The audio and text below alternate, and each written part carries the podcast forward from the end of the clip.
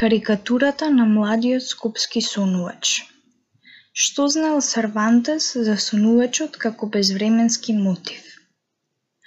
Се почесто ја забележувам она романтизирана верзија на концептот за сонување, кој на овој или оној начин во секојдневието, во уметноста, во поп културата, го добива значењето на нашите интимни желби или мечтаења.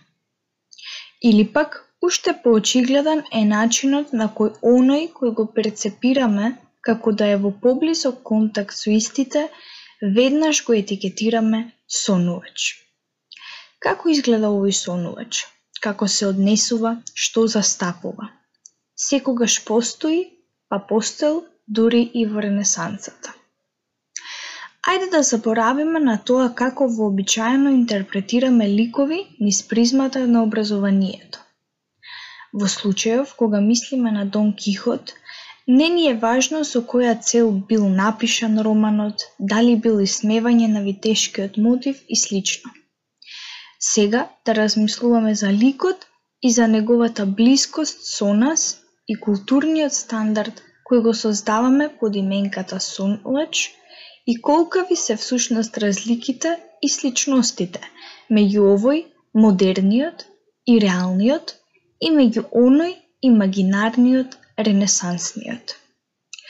Прашањата се следниве. Која е цената да се спротивставиш на собственото време? Како знаеш каде е границата помеѓу реалноста и фантазијата? Дали и на која страна одлучуваш да живееш?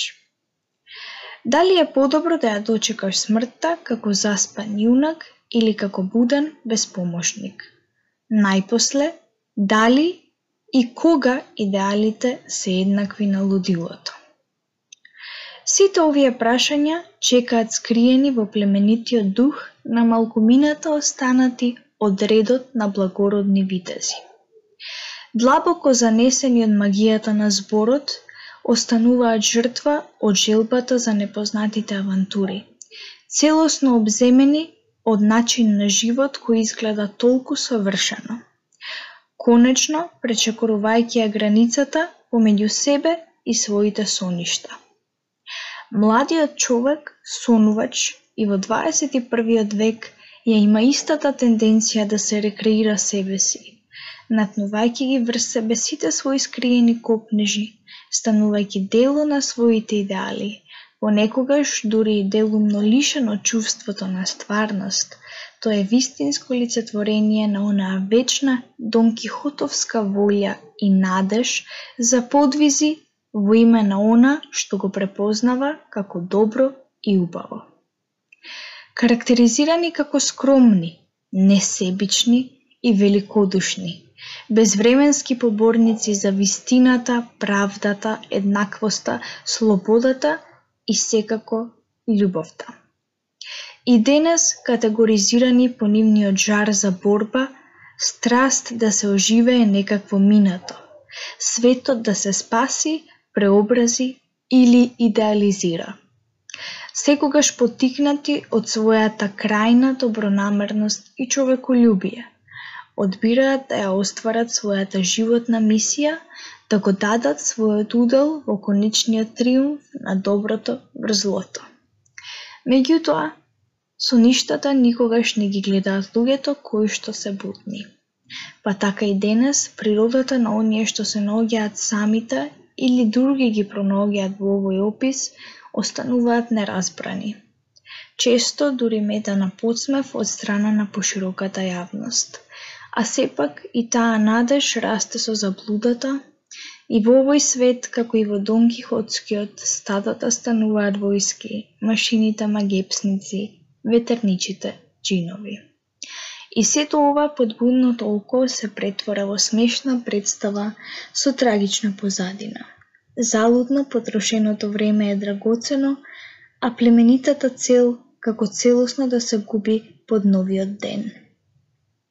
За жал многу од сонувачите и денес во Скопје се гледани како слаба сенка на својот лудачки обид да се живе за секогаш заспан, до мера во која сите нивни доблести исчезнуваат во целосно непостоење. тогаш кога нивните средства за борба ќе ги откажат како господари, било да се работи за мастилото, боите или инструментите, или бојното оружје на Дон Кихот. И оваа романтизација наеднаш многу лесно се претвора во будалесто, најчесто подценето, тинејџерско безумие. Кога го следиме ренесансниот пример, сонувачот често знае да се изгуби себе си во своето поистоветување со архетипот што самиот си го задава. За на крајот ова да го доведе до целосно разобличување на неговото битие – Останува најчесто само комичар во сеќавањата на светот и споменик на оној кој е изгубил луцидноста и останал колатерална штета на собствените заблудени ум и срце. Наместо ова, нашиот просечен сонувач едноставно одлучува дека е бесполезно да се труди во градот и културниот контекст кој истиот му го дозволува. Постои особена убавина во залуденоста на младешкиот творечки подвиг. И секој, колку и да е навидум безнадежен, но толку суштински племенит и фундаментален обид да се оживее културна сцена која веќе години наназад умира со младите, пред младите и за младите. Затоа, нареден пат, кога ќе се прашувате каде да одите навечер со друштвото, Излезете од карактеризацијата на еднолична иронија, која може би му прилега на Сервантес, и купете го билетот од 50 денари за свирка на новиот средношколски бенд. Наминете малку на некоја тајна изложба или испејте го истиот пијалак слушајќи вртничка поезија. Сонувачот не е само теоретски концепт, туку е мош на вистините а може би и поинтересен и подлабок од обична карикатура.